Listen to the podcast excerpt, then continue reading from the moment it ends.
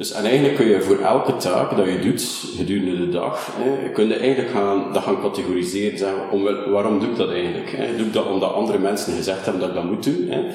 Um, of doe ik dat omdat ik erin geloof dat dat zinvol is? Of doe ik dat omdat ik dat superleuk vind? Hè? Um, of doe ik dat om mezelf te bewijzen? Hè? Dus je kunt dat perfect gaan categoriseren onder die. Welkom bij de Tim Tom Podcast. Ik ben Timothy.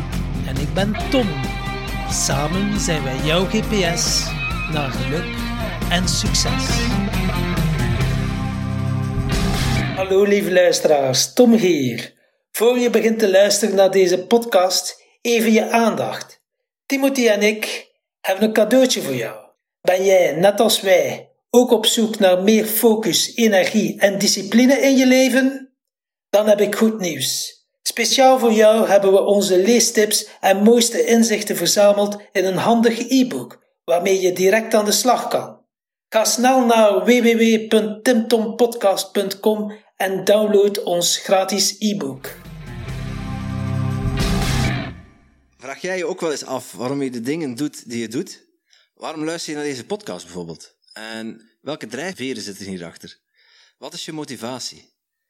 En wie kan dat beter uitleggen dan onze gast van vandaag, Kevin Taalman? Kevin is CEO en medeoprichter van Impetus Academy. Er is een spin-off van de Universiteit van Gent ter ondersteuning van organisaties in het ontwikkelen van motiverende bedrijfsculturen en motiverend leiderschap. Zij vertrekken vanuit het wetenschappelijk sterk en bijzonder praktisch kader van de, zoals ze het zelf noemen, de zelfdeterminatietheorie. Of, in het makkelijk Nederlands gezegd, het ABC-model voor motivatie. Kevin legt ons uit over de drie basisdrijfveren achter ieders motivatie: autonomie, binding en competentiegevoel. Het toffe is dat dit model is gebaseerd op wetenschappelijk onderzoek. Het is een evidence-based, kwalitatieve, pragmatische aanpak om van een organisatie en leiderschap door te ontwikkelen. Veel luisterplezier. Dag Kevin. Hallo. Welkom, uh, welkom in de podcast. Dank u wel. Um, wij beginnen onze interviews eigenlijk altijd met de vraag van de vorige gast. Oké, okay, spannend. En in, uh, in dit geval was dat Matthias Brouwijs van de Harbor. Ja. Win-winner. Uh, is een investeerder. Ja. En eigenlijk een matchmaker hebben we geleerd. Ja. Um, en die vroeg zich af of, er, of dat je in het verleden doelen hebt gesteld die, uh, ja, die je niet hebt gehaald en waarvan je nu spijt hebt. Dus eigenlijk dingen die, die je niet hebt doorgezet. Ja. Um, ik ben nogal een vrij believer in, uh, in het stellen van doelen, ja, sowieso. Um, Omwille van het feit dat u daar richting heeft en dat je dan inderdaad alles kunt gaan, uh, allee, je, pad ook gaan, kunt gaan afstemmen ten opzichte van het doel dat je wil bereiken. Maar voor mezelf het is nog niet zo dat ik uh, doelen heb gesteld dat ik nog niet heb bereikt. Om, om, uh, om de simpele reden dat ik uh, vrij gefocust ben op wat ik wil. Ik denk dat een van de belangrijkste zaken is, de, de spin-off waarbij we nu aan het, aan het werken zijn, is dat, dat is een doel dat al zeven of acht jaar geleden gesteld is en dat eindelijk pas in vorig jaar is, is, is bereikt. Um, maar ik heb niet zoiets, dat is misschien een stop antwoord, maar ik heb niet zoiets van, dat ik een doel had gesteld dat ik nog niet heb, uh, nog niet heb bereikt. Nee. Dat is straf, eigenlijk.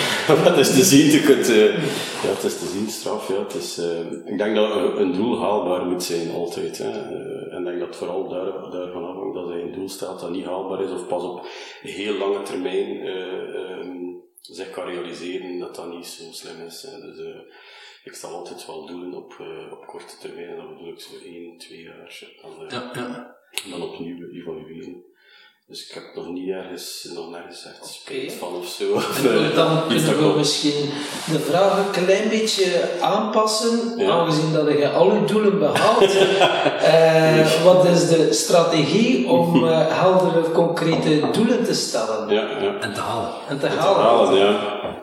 Maar ik denk dat het vooral heel haalbaar moet zijn. Hè. Dus denk uh, dat het realistisch moet zijn en haalbaar. En ik, en ik geloof echt wel dat als je... Um, allee, als je richting geeft aan je, aan uw leven, of aan, aan, aan, je carrière, maar dat kan ook buiten zijn, aan je privéleven, dat je met uh, korte tussendoelen moet werken. Dat is ook iets bijvoorbeeld wat als wij trainingen geven en zo verder aan mensen, um, om dichter bij zichzelf te komen, laten we zeggen, en dichter uh, hun doelen aan te laten sluiten bij wat ze zelf willen, wat dan persoonlijke interesses zijn, dat die doelen realistisch dienen te zijn en, en haalbaar, um, en niet enkel focussen op een einddoel.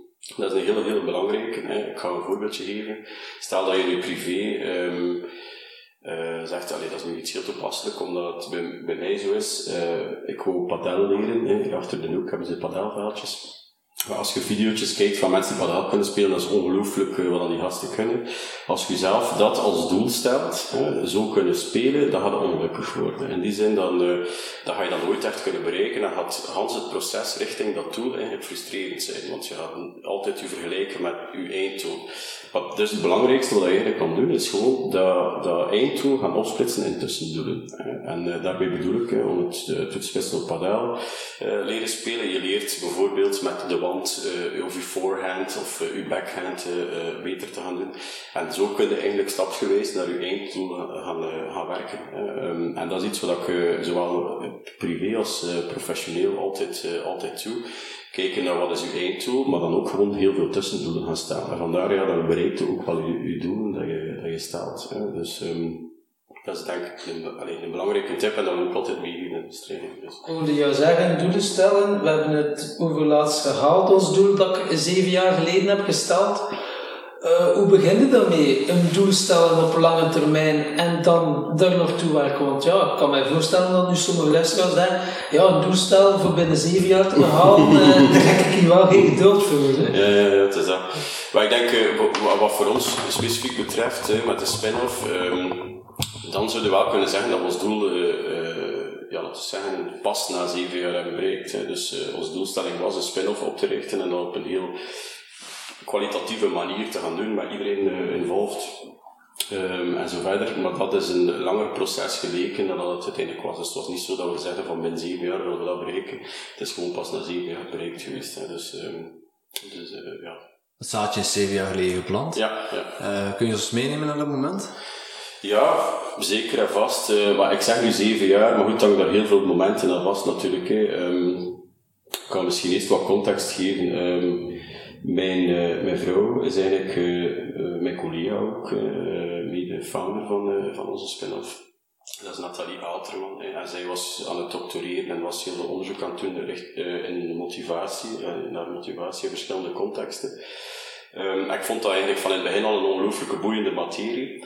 Uh, en ondertussen was ik uh, ja, wat carrière aan het maken, de managementfuncties en zo verder.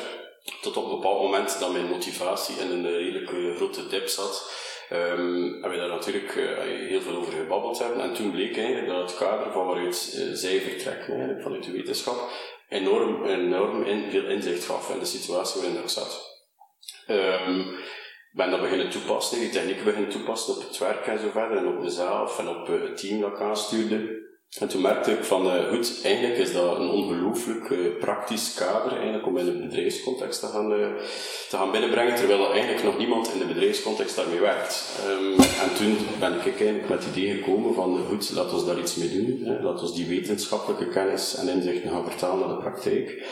Um, toen zijn we met heel veel mensen binnen de Universiteit Gent gaan samenzitten van kijk, hoe zouden we dat kunnen doen, waarom zouden we dat doen, ja, wat, is de stap daar naartoe, wie hebben we daarvoor nodig, wat hebben we daarvoor nodig, hoe zit die dienstverlening moeten uitzien, welke onderzoekslijnen moeten we opzetten. Dus uh, daarvan is er heel veel uitgevloeid, maar eigenlijk is dat moment gekomen doordat wij, laten we zeggen, aan de keukentafel, er zijn over gaan babbelen. En ja, gaan, uh, gaan nadenken op welke manier dat je, dat je eigenlijk binnen de maatschappij uh, of in de, in organisaties een positieve impact kunt hebben met wetenschappelijke inzichten. Daar komt het in. Ja. Ja, dus er zit een, een wetenschappelijke, een, een belangrijke wetenschappelijke component aan motivatie. Mm -hmm. um, kun, je, kun je ons eens uitleggen wat, ja, wat, wat je met je bedrijf precies doet en, en ja. hoe, hoe belangrijk die motivatie is? Ja, wat eigenlijk wat we zien, um, het wetenschappelijk kader van waaruit wij vertrekken, is deze van de, de zelfdeterminatietheorie. Heet dat. En eigenlijk wat de zelfdeterminatietheorie zegt, is dat er dat eigenlijk, um, laten we zeggen, hoe goed je je voelt, uh, hoeveel energie dat je hebt, hoe tevreden dat je bent, um, uh, hoe loyaal je bent bijvoorbeeld ten opzichte van de werkgever en zo verder, uh, dat dat eigenlijk bepaald wordt door een motivationeel proces. Als we spreken over motivatie, dan zeggen we vaak van uh, we zijn veel gemotiveerd of uh, minder gemotiveerd en zo verder. Maar eigenlijk zijn er verschillende types motivatie. Um, en om je de vraag te stellen van wat is motivatie, moet je de vraag stellen van waarom doe je een bepaalde taak, waarom doe je een bepaalde actie. Er zijn vier mogelijke uh, redenen hè, waarom je een actie doet. Um, en het eerste is uh, dat je iets doet vanuit, we noemen dat externe druk. Dat is een, eerste type motivatie. Dat is het minst kwalitatieve uh, moti uh, type motivatie. Dat je iets gaat doen omwille van dat je omgeving je eigenlijk verplicht om dat te doen. Of omdat er bijvoorbeeld sociale een druk, sociale, sociale druk, druk kan dat zijn. Dat kan zijn dat je een beloning krijgt of een straf als je het niet doet en zo verder. En dat je daardoor een bepaalde actie stelt of een bepaald gedrag stelt. Een tweede type is eigenlijk interne druk. Hè. Um, dus dat niet van buitenaf komt, maar vanuit jezelf. Omdat je je bijvoorbeeld wil bewijzen, hè, of dat je bang bent om te falen. Hè, uh, en meer. Of omdat je bijvoorbeeld heel perfectionistisch bent. Um, ik ben niet goed genoeg beestje. Voilà, inderdaad. Daarop neer. Dus daar heel veel mensen die bijvoorbeeld hoog scoren op perfectionisme, gaan ook hoog scoren op interne druk. Of dat zien we toch heel vaak. En dan heb je eigenlijk uh, um, uh, een derde type, dat is persoonlijke zinvolheid. En persoonlijke zinvolheid, dat gaat over dat je iets doet omwille van het feit dat je het nut ervan begrijpt. Of omdat het voor jou persoonlijk relevant is. Uh, dat, je, dat je vindt dat je een, een bijdrage kunt leveren aan iets. Um, dat je het gevoel hebt dat je persoonlijk zinvol bezig bent. En een vierde type motivatie is eigenlijk passie. En dat is ook wat wij noemen, uh, of wat je ziet, of dat noemt, uh, intrinsieke motivatie, dat iedereen denk ik wel kent. Hè. Ja, nou, omdat um, tegen podcast niet bestaan. Voilà, voilà. Dus, en dat is eigenlijk gewoon doen, iets doen omwille van het feit dat je dat ongelooflijk plezant vindt, dat je er heel veel energie van krijgt, dat je erdoor gepassioneerd bent, dat je erin nieuwsgierig bent enzovoort. Dus die vier types motivatie naast elkaar, hè, dan zie je dat er daar een, nieuw, een kwaliteitsverschil in zit. Hè. Dus van externe druk, minst kwalitatief, tot passie, meest kwalitatief. Um, en eigenlijk, ja, wat we zien bijvoorbeeld, om het toe te passen op de werkcontext, er zijn een aantal taken die je kunt doen vanuit je passie, maar niet alles wat je doet in je werk is, uh, is uh, ja, is, is super interessant, uh, laten we zeggen, of uh, je bent erdoor gepassioneerd. Veel repetitief. En ja, dat kan zijn, of bijvoorbeeld zaken die randvoorwaarden. Ik zeg nu maar iets je nu de podcast op Misschien vinden jullie het heel cool om een interview te doen, maar misschien vind je dat achteraf, dat knippen en zo verder wel lastig, of niet knippen, of, of, of ja, daarom hebben wij besloten om gewoon niet te knippen. Voilà, voilà, voilà, voilà. Super goed, hè? Dus je hebt eigenlijk een bepaalde eigen motivatie. Dus, um, dus maar, maar persoonlijke zinvolheid is daardoor een belangrijke. Hè? Um, en daardoor zeggen we altijd van ja, als je bepaalde taken dient te doen, gewoon omwille van het feit dat iemand het oplegt, is dat niet oké, maar stel dat je taken dient te doen en er wordt daar een duiding aan gegeven waarom dat, dat belangrijk is en je kunt aansluiting vinden bij het waarom, dan zit je te werken op die persoonlijke zinvolheid. En wij noemen die twee uh, categorieën eigenlijk motivatie en goesting.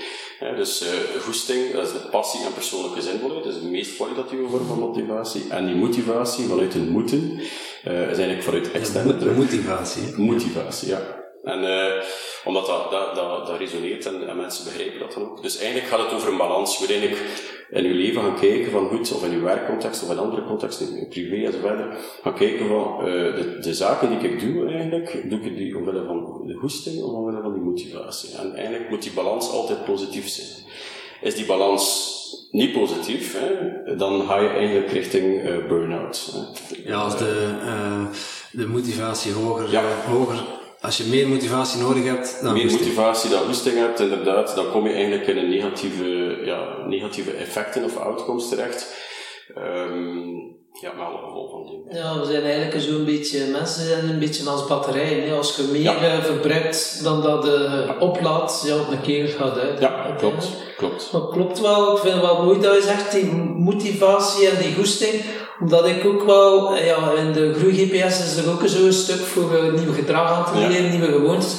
En dat ik ook wel uh, zeg van, hey, eigenlijk uh, wat motivatie bullshit is. Als je echt wel iets wil doen, enkel op motivatie, gaat dat niet lukken. Omdat je, je kan niet elke dag gemotiveerd zijn. Mm -hmm. Als je enkel de motivatiestrategie gaat toepassen. Daarom is het wel belangrijk om de gewoontestrategie te hebben. Ja. Uh, bijvoorbeeld, neem nu tandenpoetsen. Ja. Als je uh, opstaat en je voelt je goed, hè, ah, poetst je je tanden. Maar als je wat minder goed voelt en zo, oh shit, ik moet opstaan, ga je niet zeggen, krijg goesting, ik ga mijn tanden niet poetsen. Ja, ja, dus het is wel belangrijk dat je echt wat gewoonten zet die dat, eh, dat is wat je nu, het voorbeeld dat je nu geeft, is... ehm, ik kan me niet voorstellen dat er heel veel mensen dat super, super leuk vinden om hun tanden te poetsen. Hè. Dus eh, dat zou betekenen dat dat in de, moed, in de, in de passie zit. Hè. Ja. Ehm, maar dat zit voornamelijk in persoonlijke zinvolheid. Hè. Want je weet, hè, je poetst je tanden omwille van het feit dat je, ja, dat je gezond wil blijven, hè, dat je tanden eh, dient te verzorgen, anders eh, ja, eh, komt er gaten in je tanden en zo verder. Dus dat zit voornamelijk op die persoonlijke zinvolheid. Dus, en eigenlijk kun je voor elke taak dat je doet gedurende de dag, hè, kun je eigenlijk gaan, dat gaan categoriseren. Zeggen, om, waarom doe ik dat eigenlijk? Hè? Doe ik dat omdat andere mensen gezegd hebben dat ik dat moet doen? Hè? Ehm, of doe ik dat omdat ik erin geloof dat dat zinvol is? Of doe ik dat omdat ik dat super leuk vind? Hè? Ehm, of doe ik dat om mezelf te bewijzen? Hè? Dus je kunt dat perfect gaan categoriseren onder die. Dat zijn oefeningen die wij doen, hè? Dus, eh, met mensen, en dan is dat enorm inzichtelijk. Hè? Want eh, als je plots tot de constatatie komt dat merendeel van je taken taken zijn die onder de externe druk categoriseert, ja, dan zitten we met een probleem. En dan is de volgende stap natuurlijk gaan nadenken van, oké, goed, hoe kunnen we dat gaan verschuiven? Hè? Bijvoorbeeld op teamniveau is dat, is dat zo van, goed, dit is bijvoorbeeld een taak die ik absoluut niet leuk vind om te doen, en voor mij is dat echt van moeten, terwijl voor iemand anders kan diezelfde taak iets zijn dat bij persoonlijke zinvolheid of zelfs passie valt. En dan gaan we gaan kijken van, oké, goed, welke taken kunnen we hier gaan verschuiven, of welke taken kunnen we gaan aanpassen in functie van, dat motiva van die motivatie van die meest kwalitatieve motivatie. En dat is een ongelooflijke, ja, dat is zeggen, inzichtelijke oefening, maar ook eigenlijk niet zo heel moeilijk om te doen. Ehm, het is natuurlijk zoiets, dat, het is niet moeilijk om er inzicht in te krijgen, ehm, maar natuurlijk het aanpassen nadien is, eh, is niet altijd evident. Want het zou kunnen zijn dat je in een bepaalde job zit, waarbij dat je, ja, eigenlijk zit je niet op je plaats dan. Hè. Als je dan heel, als je heel veel taken vanuit een moeten doet, hè, dan eh, moet je je afvragen van, eh, is dat eigenlijk wat ik wil? Ja. Maar dat, je zegt dat inzicht krijgen op zich is niet zo moeilijk. Eh, welke vragen kunnen mensen zich stellen om, om daar meer inzicht in te krijgen? Wel, wij beginnen vaak met een, eh, met, een hele simpele vraag. En dat is, ehm, waarvan krijg je energie en wat kost je energie? Ja. En ik denk dat dat altijd... Ja, die gebruiken wij zelf ook. Ah, wel, voilà. Dus, en, maar ik zal misschien nog een, een extra stap geven. Hè. Dus eigenlijk, ehm, heb daar juist gehad over motivatie. Dus eigenlijk, de grondslag van motivatie zijn eigenlijk eh, drie universele psychologische basisbehoeftes. Ehm, dat zijn eh, dus universeel, iedereen heeft die, vanaf dat je klein bent tot dat je sterft eigenlijk, gelijk waar je woont, over heel de wereld, dat is al onderzocht. Ehm, en dat is eh, de behoefte aan eh, A, autonomie, B, verbondenheid en C, competentie. Het ABC-model wordt dat ook vaak genoemd. Ehm, en eigenlijk, eh, die drie basisbehoeftes heeft iedereen en de mate waarin dat ze vervuld zijn, zijn eigenlijk, ik heb er net verwezen naar batterijen, wij verwijzen ook naar het ABC als zijnde batterijen. Hoe meer die vervuld zijn, hoe meer die behoeftes vervuld zijn, ondersteund zijn, ehm, eh, hoe kwalitatiever uw motivatie zal zijn. Dus hoe meer goesting, eh, minder motiva- motivatie. En hoe meer gefrustreerd die basisbehoeftes zijn, hoe meer motivatie je gaat krijgen. Dus dat is eigenlijk de, de, de motor van motivatie, noemen we dat. Dus als je de vraag stelt van kijk, wat kost je energie en wat geeft je energie? Als je dan een opleiding gaat maken, ga je eigenlijk altijd tot die drie basisbehoeftes komen. Eh, autonomie, verbondenheid en competentie. Ehm, maar ik zal ze misschien een keer uitleggen, wat we daaronder verstaan. Hè.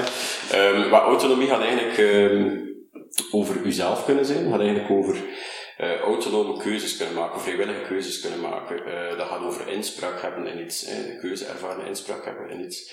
Ehm, dat is niet hetzelfde als zelfstandigheid. Hè. Soms komen in bedrijven zeggen ze van goed, er is hier enorm veel eh, autonomie, maar eigenlijk bedoelt men zelfstandigheid. Ja, keuzevrijheid eigenlijk. Ja, keuzevrijheid, inderdaad, psychologische vrijheid, hè, spreek over. En dan um, uh, iemand kan er bewust voor kiezen om niet zelfstandig te werken, bijvoorbeeld. Hè.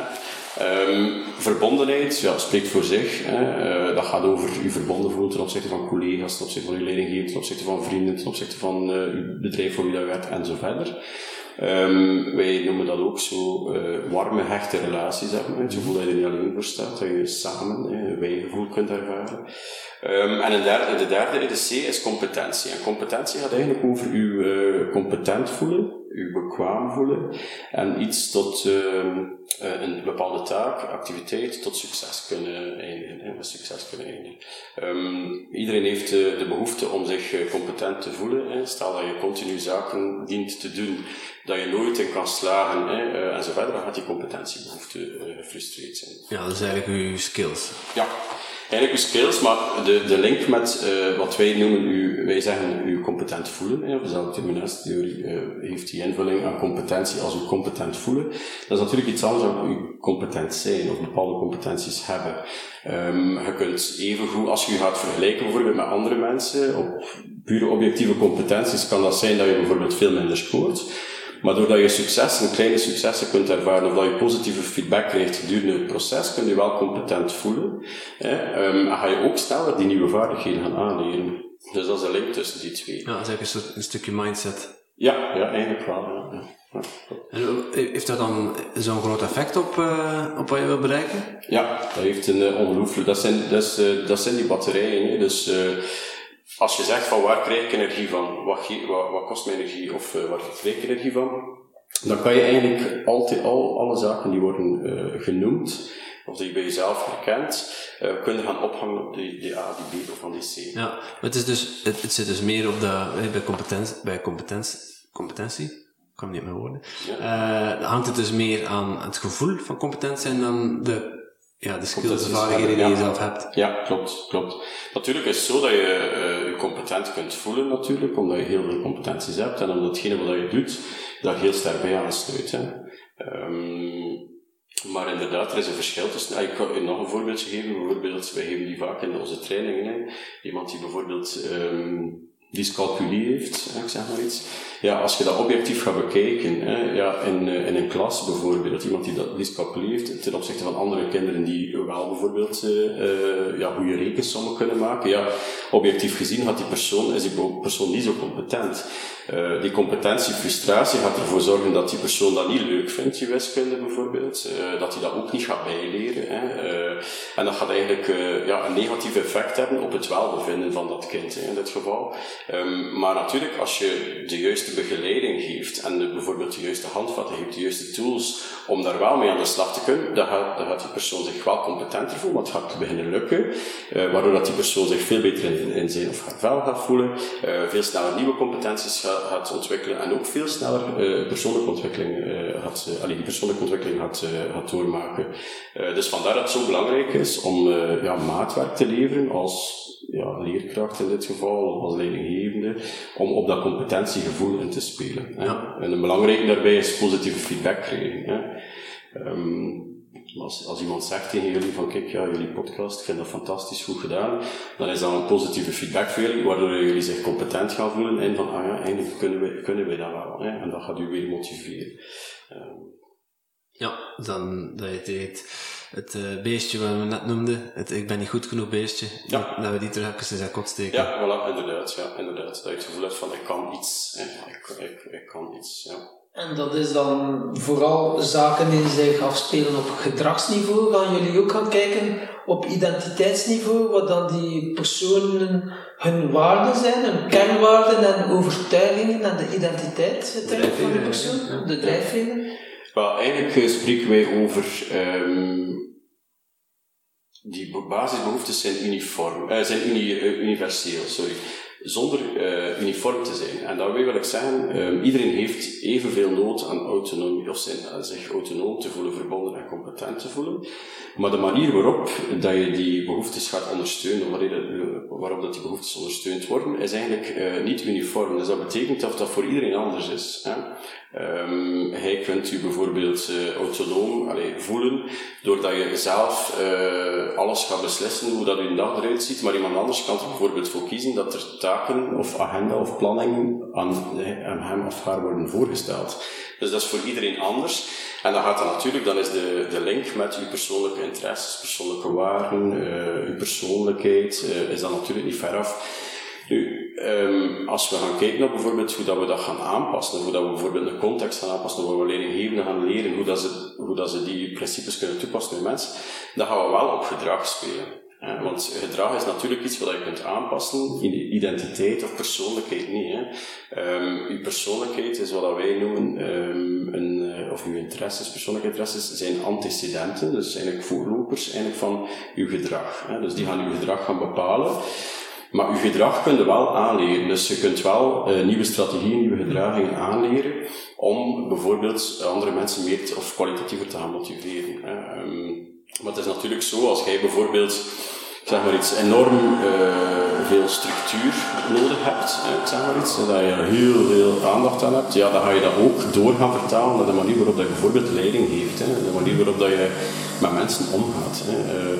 We spreken soms over uh, iemand die dan chaotisch is, die gaat in uw allergie zitten precies, omdat hij het omgekeerde precies belangrijk vindt of, of uh, en dat hij voorop stelt. maar het heeft natuurlijk inderdaad met uw persoonlijke interesses te maken. Mooi. En ja, jullie, jullie gaan hier ook in op samenwerken. Um, als je uh, bedrijven coacht, zijn dat dan grotere bedrijven, kleinere bedrijven? Uh, voorlopig zitten wij voornamelijk met vrij grote bedrijven, uh, inderdaad. Is dat 100 plus? Ja, ja, ja, ja, ja. Ik denk de grootste klant, uh, 20.000 medewerkers of zo. Dus we zitten al, we zitten al vrij Ja, inderdaad, ja, de, ja, vrij grote bedrijven. Maar, maar dan doe je dan met al die 20.000, doe je zo'n, die oefeningen? Gelukkig niet.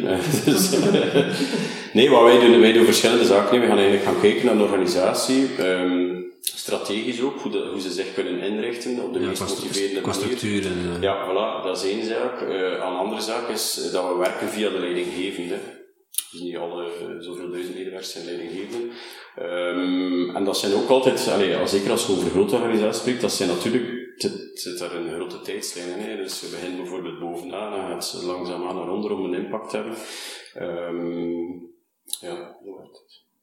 Ja, ja het, is, um, uh, het is, is het dan ook geschikt voor ja, individuen of voor kleinere, kleinere bedrijven? Tuurlijk, uh, ik denk, uh, ik weet ook niet hoe dat, dat komt dat wij nu voornamelijk met hele grote bedrijven aan het werken zijn, of met grotere bedrijven toch. Um, maar ja, allee, wij werken ook wat voor KMO's en zo. Hè. Um, wat we daar zien is dat we dan veel sneller een grote impact kunnen hebben. Hè. Ja, eigenlijk is het tussen aanhalingstekens makkelijker om in een klein bedrijf een grote impact te hebben dan in een groot bedrijf, omdat er gewoon simpelweg veel meer mensen of veel meer mensen zijn. Um, maar uh, wij werken inderdaad met individuele leerlinggevenden of met kleinere bedrijven. Ik, uh, ja, um, het voordeel is dat je ja, vaak snellere beslissingslijnen hebt. Dus je kunt veel, als wij voelen van kijk goed, dat of dat of dat gaat een positieve impact hebben. In een klein bedrijf ja, is dat gewoon een kwestie van uh, een keer even af te stemmen en dan te doen. Hè. In een groot bedrijf ja, moet je nog rekening houden met heel veel andere factoren. Het is ook iets complexer en duurt het ook langer totdat je, totdat je iedereen mee hebt in, in, in zo'n verhaal. Hè. Ja, en wat vind je zelf het leukste? Goh, Um, dat is een goede vraag. Um, ik, ben, ik ben zelf persoonlijk uh, nogal een strategisch denker, dus ik vind die grote projecten wel echt uh, ja, de max om te doen. Um, maar als ik dan zelf in de, on the floor uh, ben, dan vind ik een klein bedrijf ook wel leuk. Omdat je dan inderdaad gewoon direct die positieve impact kunt voelen. En ja, ja, dan is dat, dan is dat leuker. Maar goed, we hebben, we hebben een team en zo verder, dus uh, dan moet je, je moet met een team werken, een groter bedrijf, maar dan uh, hou ik me voornamelijk bezig met het, strategisch. Uh, ja, ja. Dus ik vind het altijd weer wel even leuk, maar een beetje vanaf. Ik ga een andere rol innemen in een groot of een klein bedrijf. Ja. En dan voor nieuw gedrag aan te leren of nieuwe gewoontes in verschillende persoonlijke ontwikkelingsboeken vind je het duurt ongeveer 66 dagen voor je dat een nieuwe gewoonte al leert. Uh, dat kun je toch wel in sommige dingen zien. Wat is uw ervaring erbij, zo in die bedrijven, als je een nieuw gedrag, nieuwe gewoontes, wat termijn is dat zo gemiddeld, vooraleer dat je echt wel resultaten begint te zien? Ik denk, uh, allez, als je nu zegt over 66 dagen, dan vraag ik mij af van wie of wat heeft dat onderzocht. en, van waar komt, en van waar komt dat? Hè? Um, dus ik sta nogal, ja, ik sta, ik sta nogal vrij sceptisch ten opzichte van die uitspraak, maar uiteindelijk, uh, Kijk, wij zeggen altijd, het start met, um, kijk, het heeft opnieuw, opnieuw met motivatie te maken. Hè. Het start met uh, één zelfreflectie. Hè. Dus wij uh, doen heel veel scans, uh, waarbij dat leidinggevende en zijn team, of haar team bevraagd worden en dan een rapport krijgen van hoe zit het motivationeel functioneren. Um, waardoor dat je gaat nadenken over je eigen motivationeel functioneren, over je eigen gedrag, welke invloed dat, dat gedrag heeft op je team bijvoorbeeld. En eigenlijk start het daarmee. Als je dat niet doet, eh, dan is dat zeer moeilijk om, om uh, gewoontes aan te, om nieuw gedrag aan te leren. Dat is één. En twee is ook, um, je wil eigenlijk ook niet hebben dat wij moeten zeggen tegen iemand van je moet nu dat of dat doen. Dus dat gaat over motivatie. Dus dat wil zeggen dat iemand zelf ook kan gaan beslissen van kijk, ik zie nu dat, dat is nu een momentopname. Uh, eigenlijk zou ik dat willen hebben. En dan gaan wij een coachende rol in, in, in, uh, innemen eigenlijk. Om te gaan kijken van, oké, welke tussenstappen tussen doen, want het er net over gehad. Heb je eigenlijk, wil je eigenlijk gaan bereiken om richting dat nieuwe gedrag te gaan. Um, en uh, dat zit op motivatie. Dus dat wil zeggen, als die persoon het zinvol vindt voor zichzelf om naar dat gedrag te gaan en we kunnen goede, haalbare, realistische tussendoelen gaan stellen, hè, um, dan gaan we die persoon uh, vrij snel naar nieuw gedrag kunnen. Hè, want dan wordt dat uitgetest in de praktijk, wordt dat teruggekoppeld, wordt de ervaring uitgewisseld en ga je eigenlijk gaan kijken van oké, okay, heb ik dat nu bereikt, is dat nu gelukt, uh, moeten we gaan bijsturen en zo verder. Dus dat kan zijn dat dat heel snel gaat. Nou, natuurlijk aan de andere kant heb je ook mensen die heel, uh, ja, die, die, heel, heel veel moeite hebben met, uh, met die zelfreflectie. En dan natuurlijk, ja, um, is dat heel moeilijk om een nieuw gedrag aan te leren. Maar waarom zou je een nieuw gedrag aanleren als je niet kan kijken naar het huidige gedrag dat je stelt en je niet kan kijken naar wat wil ik nu precies in deze situatie anders gaan doen. Dus daarmee start het altijd. En ik denk dat het voornamelijk daarmee uh, te maken, de snelheid daarmee te maken heeft. Ja, uiteindelijk moet je eerst wel weten waar dat je nu staat, ja. voordat je dat naar je gewenste staat klopt. gaan. Ja, klopt inderdaad. Dus die zelfreflectie, daar gaan we enorm, enorm op. Uh, of, um, ja, voilà, inderdaad. Als, als, als we het dan hebben over zelfreflectie, uh, hoe kijk jij daar zelf tegenaan, eh, Kevin? Hoe, wat, wat doe jij zelf met zelfreflectie? Well, ik zelf persoonlijk. Ja? Um, ja, ik denk dat ik misschien niet het juiste voorbeeld ben. wij, wij doen te veel, allee, mijn vrouw en ik doen te veel aan zelfreflectie, denk ik soms. Te veel zelfs? ja, ik kunt ook te veel aan zelfreflectie doen, dat kan ik u garanderen. Hè. Dus, uh, nee, goed, ik denk dat alles wat je doet, dat je um, Allee, ik denk dat, denk dat het niet slecht is om acties dat je hebt, of dingen die je hebt gedaan en gekeken hebt naar wat het gevolg ervan is, om na te gaan denken over wat is mijn invloed hierop geweest. Um, en dat is uh, wat mij betreft uh, zelfreflectie. Um, dus u, als je iets gedaan hebt, uh, u afvragen, wat is mijn invloed hierop geweest? Ja, ja en ook, allee, ik ga het misschien een keer toepassen op, op, op dat leidinggeven opnieuw. Um, je kunt, je kunt uh, een bepaalde, ja, laten we zeggen, een bepaalde actie hebben gedaan met je team of uh, een opdracht hebben gegeven en zo verder. En dat heeft blijkbaar een ander, een ander effect dan dat je had gehoopt of dat je had verwacht of dat je eh, had geambieerd. Um, het is zeer makkelijk om, uh, om dat op de ander te gaan schuiven. Hè, te zeggen van ja, zij hebben dat niet gedaan, nogthans dan kijk ik naar dat. Maar eigenlijk heb hij zelf een gigantische invloed gehad op dit. En eigenlijk, zelfreflectie start eigenlijk, of zelfreflectie gaat er eigenlijk eh, in, in, principe om, om te kijken van, oké, goed, wat wil ik hier bereiken in deze situatie? Wat heb ik gedaan? Hè? En had ik nu iets anders gedaan, ging dat misschien iets anders, uh, een andere outcome gehad hebben. Um, en wat kan ik bijvoorbeeld proberen de volgende keer in deze situatie een keer anders te doen, om een keer te zien van, heeft dat nu een ander effect? Um, en dat is eentje die vrij snel gaat. Wat heb ik precies gedaan? Wat is het effect geweest? Welk is mijn gewenste effect? Wat zou ik anders kunnen doen? Ga ik het proberen? Check ik wat, welk effect? Allee, zo, zo werkt zelfreflectie. Hè. Dus, uh, maar, um, maar we stellen ook vast dat, dat, dat niet iedereen die, allee, dat automatisch gaat doen. Nee. Um, Ah, je zegt uh, dat jij en je vrouw overdreven veel zelfreflectie doen. Uh, kun je ons een, een, een voorbeeldje geven van uh, een situatie dat je ik denk, ik, denk, ik denk dat uh, vrouw dat dat wel vaak zo, vaak zo is, is dat je kunt blijven doorpiekeren hè, uh, en, en vastzitten op... Uh, en ik ga je nooit... Je kunt nooit... Allez, je kunt nooit um, alles perfect doen. Hè. Dat uh, je moet uh, jezelf ook toelaten om fouten te maken. En natuurlijk kan je heel veel reflecteert over bepaalde zaken die je gedaan hebt. Hè. Wij doen dat continu, bijvoorbeeld als we trainingen geven of als we ja, iets van actie doen in een bedrijf of in, een, in het onderwijs of gelijk wat, gaan nadenken van, goh, we eigenlijk nog een beter effect kunnen, misschien hadden we dat moeten doen en dat moeten. En er zijn altijd dingen die beter zijn, omdat je al die omstandigheden niet kunt gaan controleren.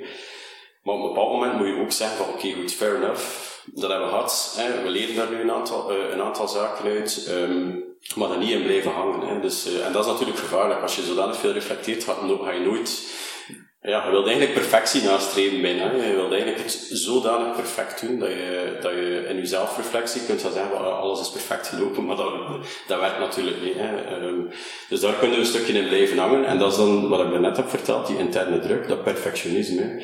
Je wilt uh, altijd maar beter doen, altijd, en dat ja, heeft ook een keerzijde. Ja. ja, je hebt ook een keerzijde. Uh, Um, en dan kun je bijvoorbeeld, en dat heeft dan weer een, een invloed op je competentiegevoel, als je het gevoel hebt van ik raak niet aan die perfectie, en je legt die lat voor jezelf zodanig hoog, ja, dan uh, op een bepaald moment word je faalangstig hè, en durf je bijna niets meer doen. Hè. Uh, nu, bij ons is dat niet het geval, vooral duidelijkheid, maar ik wil maar zeggen, dat is wel, als je perfectionistisch van aard bent, wat dat wij bijvoorbeeld ook zijn, hè, um, ja, dan heeft dat wel een keerzijde, dan moet je er zelf er wel bewust van zijn. Um, om daar niet in door te schieten. En wat voor tips heb je om, om daar de juiste balans in te vinden?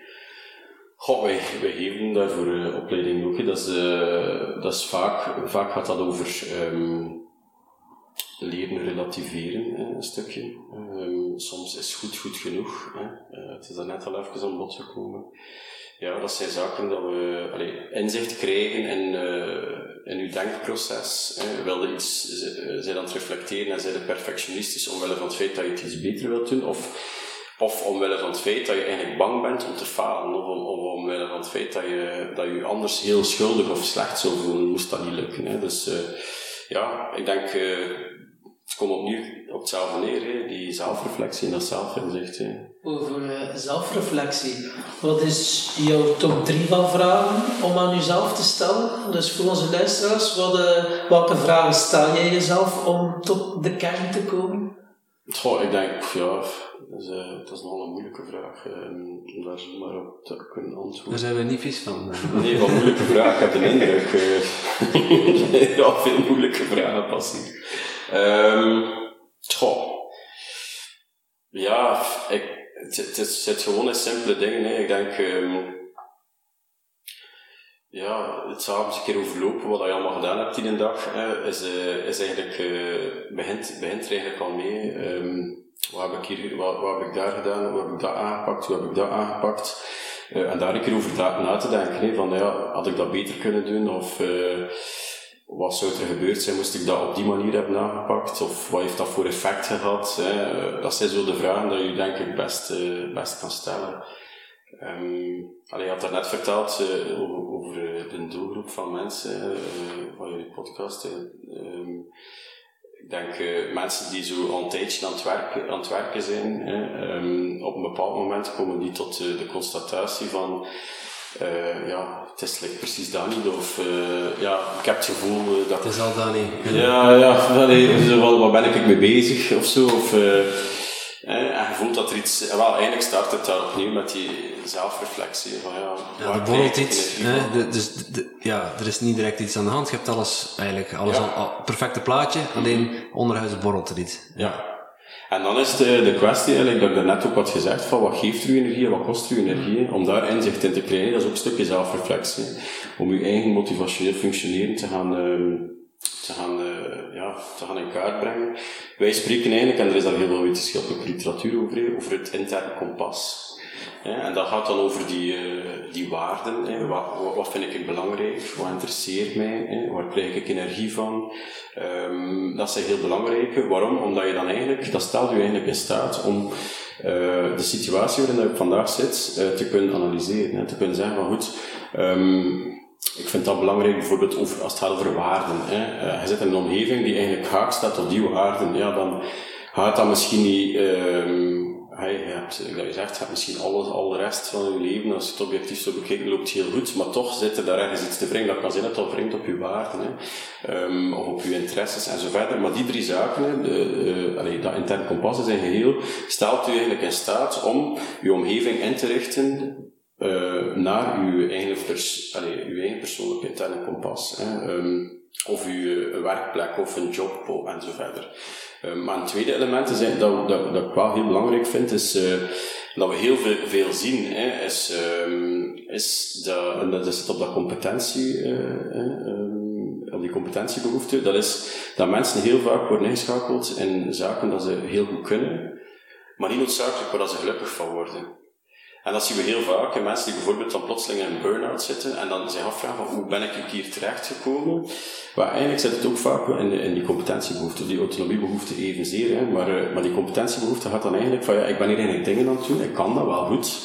Maar eigenlijk geeft mij dat geen energie. Hè. Het, is dan misschien, heeft dan met autonomie te maken, omdat je bijvoorbeeld dat je leidinggevende u daar heeft gezet omdat je dat goed kunt, maar hebt zelf geen niet, niet de vrijwillige keuze gemaakt van dat wil ik gaan doen. Ja, misschien wel, maar op onderbewust niveau erin, ja. erin gesukkeld. Ja, voilà, voilà. Erin geluisterd, ja, jezelf voilà. erin geluisterd. Ja, of gewoon dat interne kompas nog niet heel goed voor jezelf uh, uh, hebben, allee, doorhebben. Hè. Dus uh, hoe dat je, wat dat je interesses, je eigen stuk identiteit is dat. Hè. je, je, spreekt van innerlijk kompas. Uh, doe mij denken aan iets wat ik onlangs gelezen heb. notities van Marcus Aurelius. Ja. Die spreekt ook over, zijn, over het innerlijk kompas. Hij heeft best wel wat aandacht aan besteed. En zegt ook van, ja, ga ook eens kijken hoe een ander zijn innerlijk kompas is mm-hmm. is ingesteld. Hè? Dus wat, wat drijft hen? En waar mm-hmm. krijgen ze energie van? En wel gehad. Ja. Maar ook, uh, wat, houdt, wat houdt mensen tegen? Ja. Uh, die, ja, waar zit die angst? Waar zijn ze bang voor? Mm-hmm. Dus dat wil ik die vraag eigenlijk ook, uh, ook eens bij u neerleggen. Van, wat, houdt er, wat houdt er jou tegen, Kevin?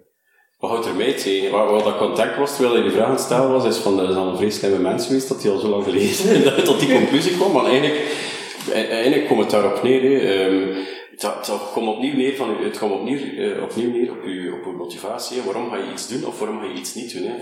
Um, uh, wij zeggen vaak over het interne, uh, interne kompas. Um, je kunt bewust ergens voor kiezen, maar je kunt ook bewust kiezen om iets niet te gaan doen. En in functie van je, van je interne kompas. En wat er heel belangrijk is, wat je net zei, is als je kunt aansluiting vinden bij hetgene wat dat iemand anders belangrijk vindt, wel dan zijn je goed bezig. Want dan wil dat eigenlijk zeggen dat je je ook kunt gaan, eh, dat je, je eh, de manier waarop dat je gaat samenwerken, de manier waarop dat je zaken gaat delegeren en weet ik wat, de manier waarop dat je gaat begeleiden, kun je gaan afstemmen op de persoonlijke interesses van die, van, van die persoon. Dus dan die verbondenheid. Ja, ja, de ja, voilà, ja zeker en vast. Dat gaat je verbondenheid versterken. Hè. Hoe meer dat je eigenlijk aansluiting kunt vinden bij de, het interne kompas van iemand anders, hoe interessanter dat wordt.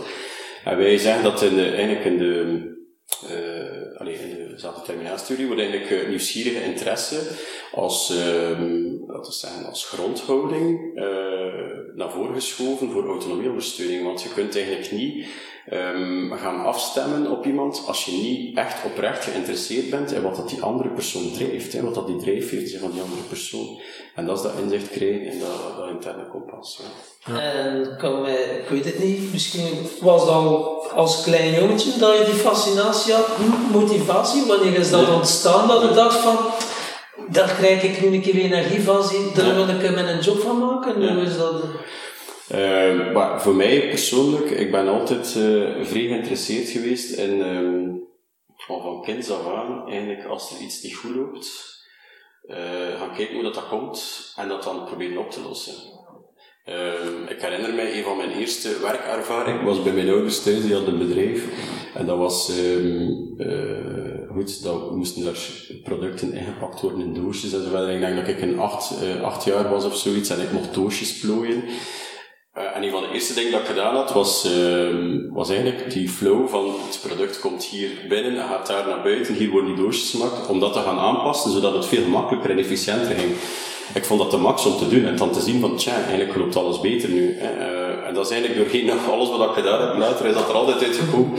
En ik denk dat, dat, ja, dat wetenschappelijk fundament, als je, uh, allee, dat is die, de, de ABC waar ik daar juist over vertelde, dat is zo fundamenteel en iedereen heeft dat, iedereen kan dat herkennen bij zichzelf, dat je aan de hand daarvan eigenlijk heel snel tot, uh, ja, tot een oplossingsgerichte aanpak kunt gaan komen. Um, dus vanaf dat we, vanaf dat we eigenlijk daarmee in contact ben gekomen en dat heb kunnen toepassen en dan kunnen zien van, of echt kunnen ervaren van dit maakt echt een verschil uit, ja, dan was dat voor mij direct, uh, oké, check, die ga ik daar mee verder. Dat is, uh, en we zien dat trouwens bij, bij veel bedrijven en leidinggevenden ook, dat, we, dat we coachen, dat we begeleiden, opleiden. Vanaf dat men dat door begint te krijgen, zien men dat men daar gigantisch veel effect kan, kan teweeg brengen. Ja, dat is, uh, dat is leuk. Hè. Dat iedereen dat wel, iedereen is groeigericht ook, daarvan gaan wij ervan uit, hè, dat je zelf... Wij ook. Ja, Ja, voilà. ja. Ja, en bij die fundamentele basisbehoeften, ja, op een of andere studie zeggen ze ook wel, ja, bijdrage aan het grote geheel, hè, contributie. Maar staat er ook nog een gevaarlijke bij, vind ik. Dat is veiligheid en zekerheid. Ja, die kan langs twee kanten werken natuurlijk. Ja, veiligheid, zekerheid is dat je geen nieuwe dingen durft uitproberen. Dat je constant in die comfortzone blijft. Hoe Ja. ga je daar nu? Ehm, wel, eigenlijk als je kijkt naar persoonlijke ontwikkeling, heeft iedereen wel een stukje een uitdaging nodig, maar dat, maar dat dient eh, op maat te zijn van. Hè. En vandaar, ik heb het daar juist ook gezegd, hè, die, eh, die tussendoelen. Hè. Ehm, als, je, u- als je een gevoel hebt van veiligheid, vertrouwen en zo verder, dat is een ideale start om eh, aan persoonlijke ontwikkeling te doen. Ehm, maar iedereen heeft ook wel een stukje nood aan die uitdaging om zich competent te blijven voelen. Hè. Als jij ganse dagen eigenlijk iets doet wat dat, wat je eigenlijk al kan, dan ga je, dan ga je eigenlijk ook je competentiebehoefte er, eh, eraan achteruit gaan, omdat je zoiets hebt van, je wilt ook altijd wel iets, eh, iets leren en je dan competent voelen en, en progressie eh, merken. Ik ken de uitkomst, bore-out. Ja, voilà. Dus dan ja, dat klopt. Ja, dat klopt. is, dat klopt. ik heb dat zelf al ervaren. Ja, voilà. dat is Je wordt, je wordt niet uitgedaagd en ehm, ja.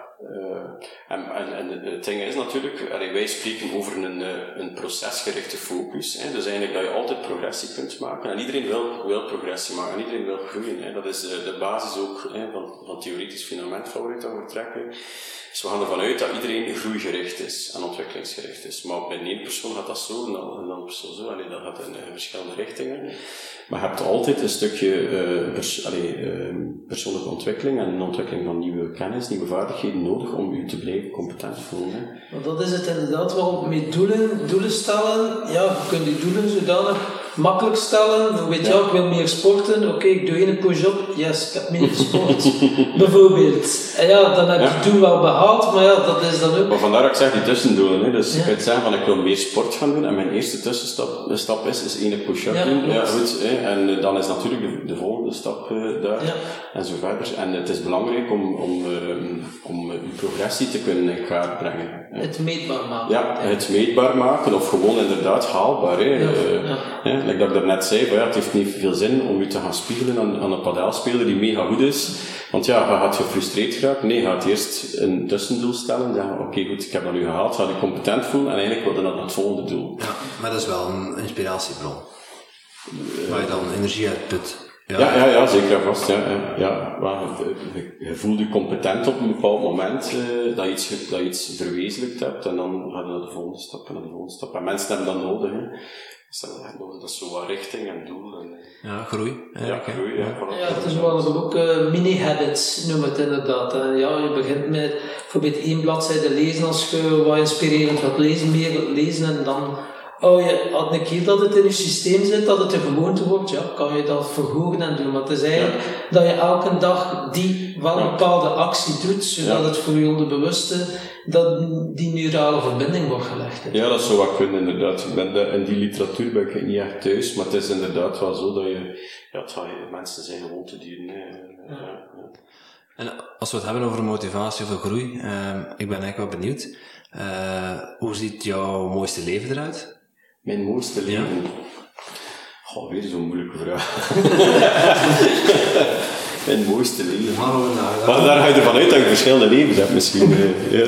Nee, hoe dat... Ja. Mag je zelf invullen? Ja. Dit- Stel, Dat mag je stel nu bijvoorbeeld, eh, tijd en geld spelen geen rol. Ja, Hoe ziet er jouw ideale dag uit? ja, ja.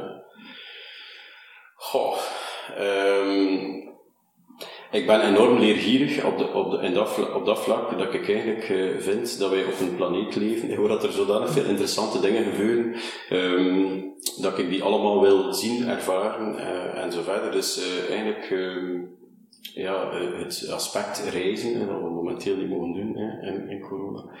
Ehm, of dat minder interessant is, dat, dat is iets wat een centrale rol wel zou spelen bij mij. Ik heb vroeger redelijk wat gereisd in mijn job, maar dat heb ik nu momenteel niet echt. En eigenlijk is dat wel eh, iets wat ik, eh, wat ik heel sterk op zou inzetten. Ja, zo nieuwe culturen ontdekken. Echt ontdekken. Ja. Ja, ja zo eh, andere, andere manieren van leven, dat andere is. Ik ben vrij gefascineerd daardoor. Uh, en dan een beetje samen met geschiedenis, hè, de, uh, hoe dat mensen vroeger leefden en zo verder. Ik vind het allemaal ongelooflijk fascinerend. Je kunt maar op één plaats zijn. En eigenlijk is dat al vrij beperkend, vind ik. Ik zou graag overal tegelijkertijd zijn. Um, maar goed, dat zijn dingen die, uh, die niet echt haalbaar zijn. Je, jij bent wetenschapper, dus... Misschien dat dat wel kan op een bepaald moment. Ik ben geen wetenschapper, zijn mijn collega's. Ja. Maar, uh, nee, ja. Uh, maar eigenlijk ben ik uh, heel tevreden over, uh, over mijn leven, absoluut. Dus uw mooiste leven vond een hele moeilijke vraag. Ik ga dan een keer iets anders met mooiste zeggen. Wat was jouw mooiste reis? Mijn mooiste reis? Um, ik heb redelijk wat gereisd in Azië. Hè. Um, en wat ik nog altijd een van de mooiste landen vind, is, is Thailand. Ja, dat vind ik, uh, en dat heeft met heel veel zaken te maken. Noorden, zuiden? Beide, ja. Ik heb ook een beetje overal gezeten, ja. rondgetrokken, uh, ben daar twee keer geweest. Um, en dat, dat heeft eigenlijk te maken met een cultuur, hè, en een cultuur van um, ja, mensen die heel respectvol met elkaar omgaan. Um, ja, in Thailand bijvoorbeeld zit dat boeddhisme daar heel sterk in. Hè. Uh, ze noemen het ook het land van de glimlach. Uh, en dat, heeft, dat is echt zo. Uh, ik wil maar zeggen, het is niet dat ze, als je daar als toerist bent, glimlachen naar jou omdat ze jou geld willen of zo. Nee. Het gaat er echt over van we willen elkaar helpen en we willen zijn vriendelijk tegen elkaar, dat we dat gewoon echt belangrijk vinden. Misschien voor onze luisteraars die nog niet in Thailand geweest zijn, kan dat beamen. Het is, Thailand is niet enkel Je bent Pattaya. geweest? Ja, ja, ja, ja, ja, ja Pattaya is niet... Uh, nee, ik ben er al dat is net vier keer geweest. Keer geweest, Ah, rondgetrokken en Ah, ja, dan toch Cambodja en Laos Ah, ja, en zo ja. eh, gedaan. En uh, ja, het is inderdaad wel... Zeker als je het, het authentieke wilt beleven, dan moet je echt wel niet in Pattaya zijn of Phuket. En Nee, nee, nee, dan kan je toch wel... eh, Maar dat is denk ik alleen. Pattaya en Phuket zijn eigenlijk niet echt in Thailand. Alleen Nee, dat is, eh, klopt. Dus de westerse Ja, invloeden... het is dat, eh, het is dat. Maar ehm, nee, Thailand is een fantastisch land. Ja, dat is toch, en wat ik ook eh, heel, ehm, heel sterk, heel zwaar van onder de indruk was, is, eh, is Japan. Hè. Omdat die, als je kijkt naar de westerse wereld, die zijn vertrokken van een, we zeggen, een, eh, een basis van christendom, hè, van het katholicisme. En je ziet dat in alles, hè, in het waardenpatroon hè, eh, dat, dat, dat in de westerse wereld zit. Ehm, en als je dan in, in Japan komt, dan zie je dat dat op een heel andere manier is ingevuld. Je ziet dat de uitingen, de eerste uitingen dat je ziet, is de manier waarop dat er publiciteit wordt gemaakt. Hè. Wat voor een waar, eigenlijk kun je aan de hand van reclame en publiciteit kun eigenlijk het waardepatroon van een, van een bepaald land zien. En, en je ziet dat dat eigenlijk een, een soort eh, parallele ontwikkeling is geweest. Hè. De, die Japanse of Aziatische cultuur en die westerse cultuur, terwijl dat in heel veel andere Aziatische landen, die westerse cultuur, ja, die hebben dat volledig geadopteerd en zijn daar nog zoveel verder in gegaan. Terwijl in Japan zie je dat dat eigenlijk een, de manier waarop dat men omgaat met elkaar, de, die, die waarden, die principes en zo verder, die staan heel ver af eh, van, van wat wij in de westerse wereld. En ik was daar enorm van onder de indruk. Eh, ik herinner mij een beeld, eh, voor de eerste keer in, Thailand, uit de luchthaven komende. Ik ging naar een, een taxi, op zoek naar een taxi. En het eerste beeld dat ik zag was iemand die eh, heel, een heel diepe buiging aan het maken was. Naar iemand die vertrok, dat hij afscheid had van genomen. Die persoon ging in een taxi. Maar ja, natuurlijk aan de luchthaven, dat is een gigantisch lange weg. En die bleef echt minutenlang voorovergebogen staan, bijna met zijn neus tot aan de grond, totdat die auto volledig weg was. Hè. En uh, dat was mijn eerste beeld van Japan. En ik had zoiets van, oké, dit is absoluut wat je niet in de westerse wereld ziet. Dus, uh, en je merkt dat dan in de dagdagelijkse omgang. Dus dat, dat vind ik heel, heel mooi aan, aan zulke culturen. Dat, die, ja, dat dat eigenlijk een andere waarde Hier zijn we heel individualistisch. Hè egoïstisch eigenlijk. Hè. Uh, terwijl dat, dat daar echt dat collectivisme zit daarin en uh, ja, respect voor elkaar en zo verder. Dus uh, dat vind ik wel boeiend om dat te zien.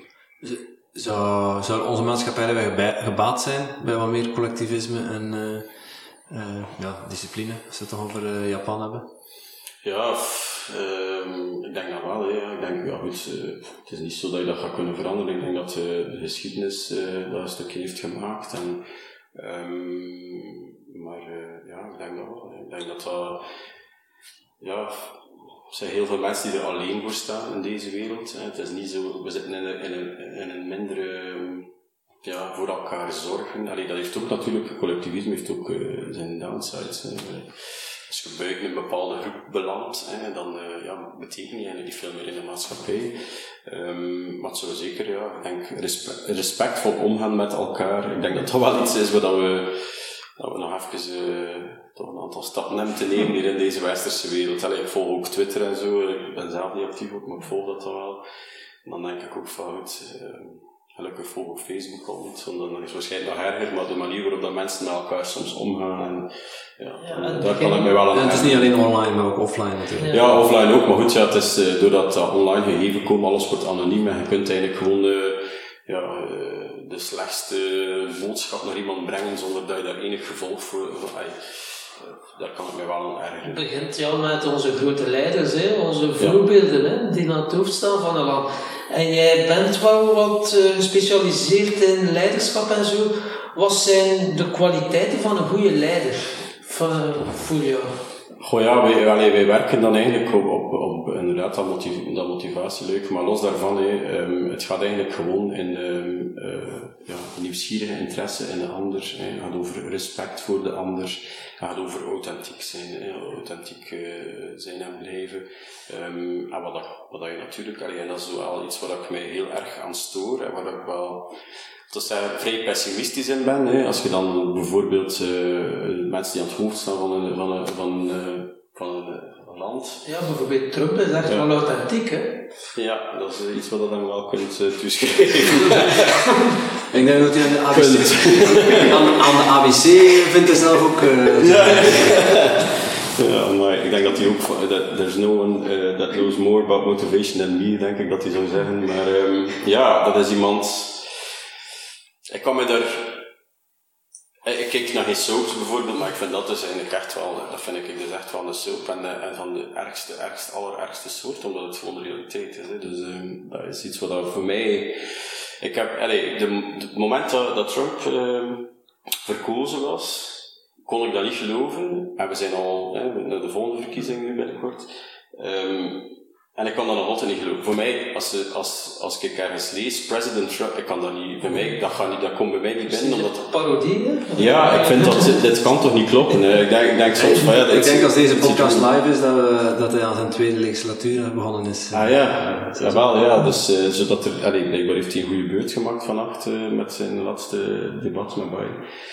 Nu goed, uh, ja, dat zijn dingen, uh, mensen schofferen, uh, mensen persoonlijk aanvallen, bijvoorbeeld allee, liegen. Fake news. Ja, ja ik bedoel, dat, is, dat is toch on, onwaarschijnlijk dat dat, er, dat, dat, allee, dat, dat kan. Hè? Dus dat je gewoon dingen kunt zeggen, gewoon om iets te zeggen en om je gelijk te halen. En of dat dan nu waar is of niet, maakt niet uit. ja, dat, is toch, ja. dat is toch hallucinant. Allee, ik bedoel... Dus dat zijn allemaal eigenschappen van een goede leider. Wel, uh, ja, wat Trump doet, zijn vrij goede leider. Ja. Nee, goed, ja, hij doet al het omgekeerde van dat hij... ja, ik denk dat...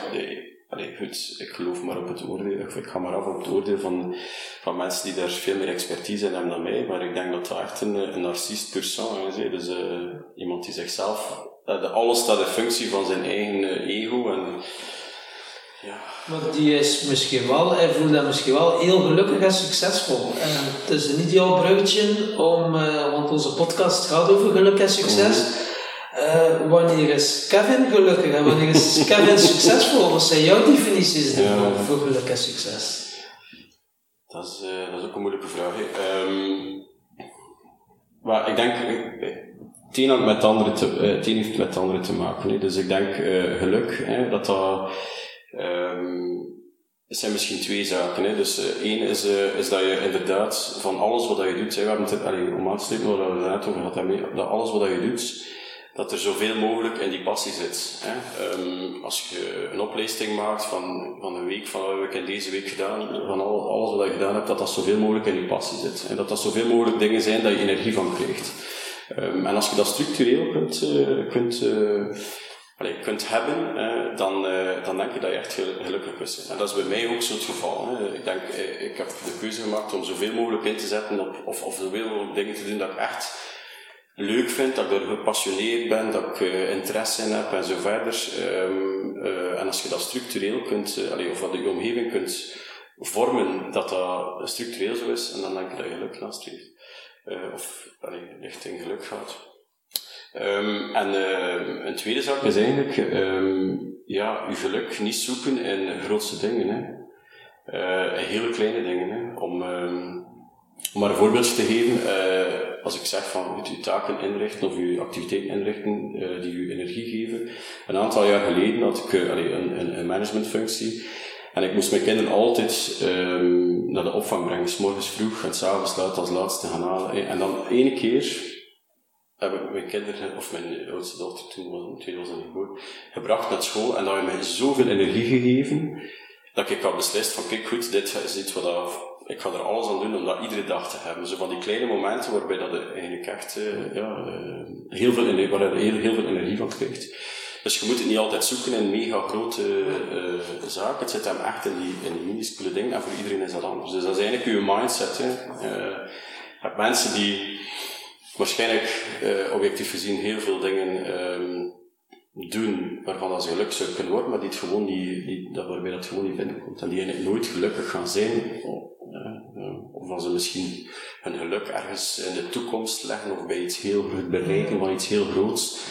Um, en dat is natuurlijk jammer, wat leeft maar één keer, allee, daar gaan we toch vanuit. Um, dus uh, dus ja, ja, kleine dingen. Geluk zit in kleine dingen. Ja, zoiets van, van de bond zonder naam kunnen zijn. Ja, Mooi. maar het zit hem heel veel in die passie. Het is echt, allee, dat type motivatie is zo belangrijk. Um, als we vragen aan mensen, zijn gelukkig in die job? Dan komt het eigenlijk gewoon daarop neer. Hè. Hoeveel taken uh, heb ik die... Uh, Energie geven ja. uiteindelijk. Voilà. Mooi. Um, ja, tot slot uh, willen we jou nog de eer geven om uh, een vraag... Succes hebben we nog niet gehad, hè? Of zat dat ah, ja, ja, ja. Ah, ik dacht dat we mee in het antwoord hadden. Ah, ja, maar, nee, het, het, het, het, de link met succes, de link met succes inderdaad, is, is dat je... Uh, dat je iets kan bereiken met hetgene wat je doet. Ja. Dus uh, als je van alle zaken dat je aan het doen bent die je energie geven, dat je daar ook effectief iets mee kunt doen. Um, en natuurlijk, ja, het, je, kunt succes niet meten, denk ik, hè, want dat is zo'n beetje de, de eenzijdige kapitalistische... Ook niet aan je doelen? Ja, wel, dat is het doelen bereiken. Ja. ja. dat is het doelen bereiken, maar dat is voor je persoonlijk natuurlijk. Ja. Hè. Um, dus uh, inderdaad, je doelen bereiken, en dat kan inderdaad financieel zijn, maar dat kan ook uh, naar vaardigheden, kennis zijn, enzovoort enzovoort. Maar dat je effectief iets kunt bereiken, dat het ook uh, door... Want vaak is het zo dat, allee, succes wordt ook een stukje aan, aan werk en zo verder. Hè. Dus dat je iets iets kunt doen uh, dat andere mensen ook appreciëren. Hè. Dus dat is het leuk aan ondernemen bijvoorbeeld. Als je iets kunt doen, allee, dat, is de, dat is ook als tip mee voor ondernemers, is, is uh, doe wat je door gepassioneerd bent. Ik denk dat iedereen dat zal zeggen. Hè. Maar als je door hetgene te doen waarin dat je gepassioneerd bent, ook um, iets van waarde kunt zijn voor andere mensen, ja, dan, dan zijn je succesvol volgens mij. Dan kun je iets bereiken. Hè. Dus, ja, mooi. Um, dus alsnog, uh, uh, tot slot dan. Um, aan jou de eer om de vraag te stellen voor de volgende gast. Um, ja, een vraag te stellen aan de volgende gast. Uh, misschien moet ik het niet zo moeilijk maken. En de vraag die daarnet al gesteld is, wat geeft u energie en wat kost u energie? Ah, ik denk dat, dat als je kijkt naar persoonlijke ontwikkeling, dat dat de eerste vraag is die je moet stellen. Uh, dus, uh, ja, super. We kunnen de volgende keer een podcast rond energie. Uh. ja, super. ja. Uh, tot slot, uh, als mensen meer informatie over jou of over jouw project willen weten, ja. uh, waar kunnen ze dan terecht? we hebben een website, dat is impetus.academy. en daar kun je alles op vinden, van spin-off Urgent in Google, rond motivatie, en dan komen ze wel bij ons terecht. Ja. Oké. Okay. Goed. Uh, ja, dank u wel. Het was uh, interessant. En uh, ja, ik hoop dat de luisteraars wat hebben opgestoken over motivatie. En, ja. Ja, motivatie is wel blijven aan. motivatie is wel fantastisch. Ja, ja. Super. Bedankt. Alsjeblieft.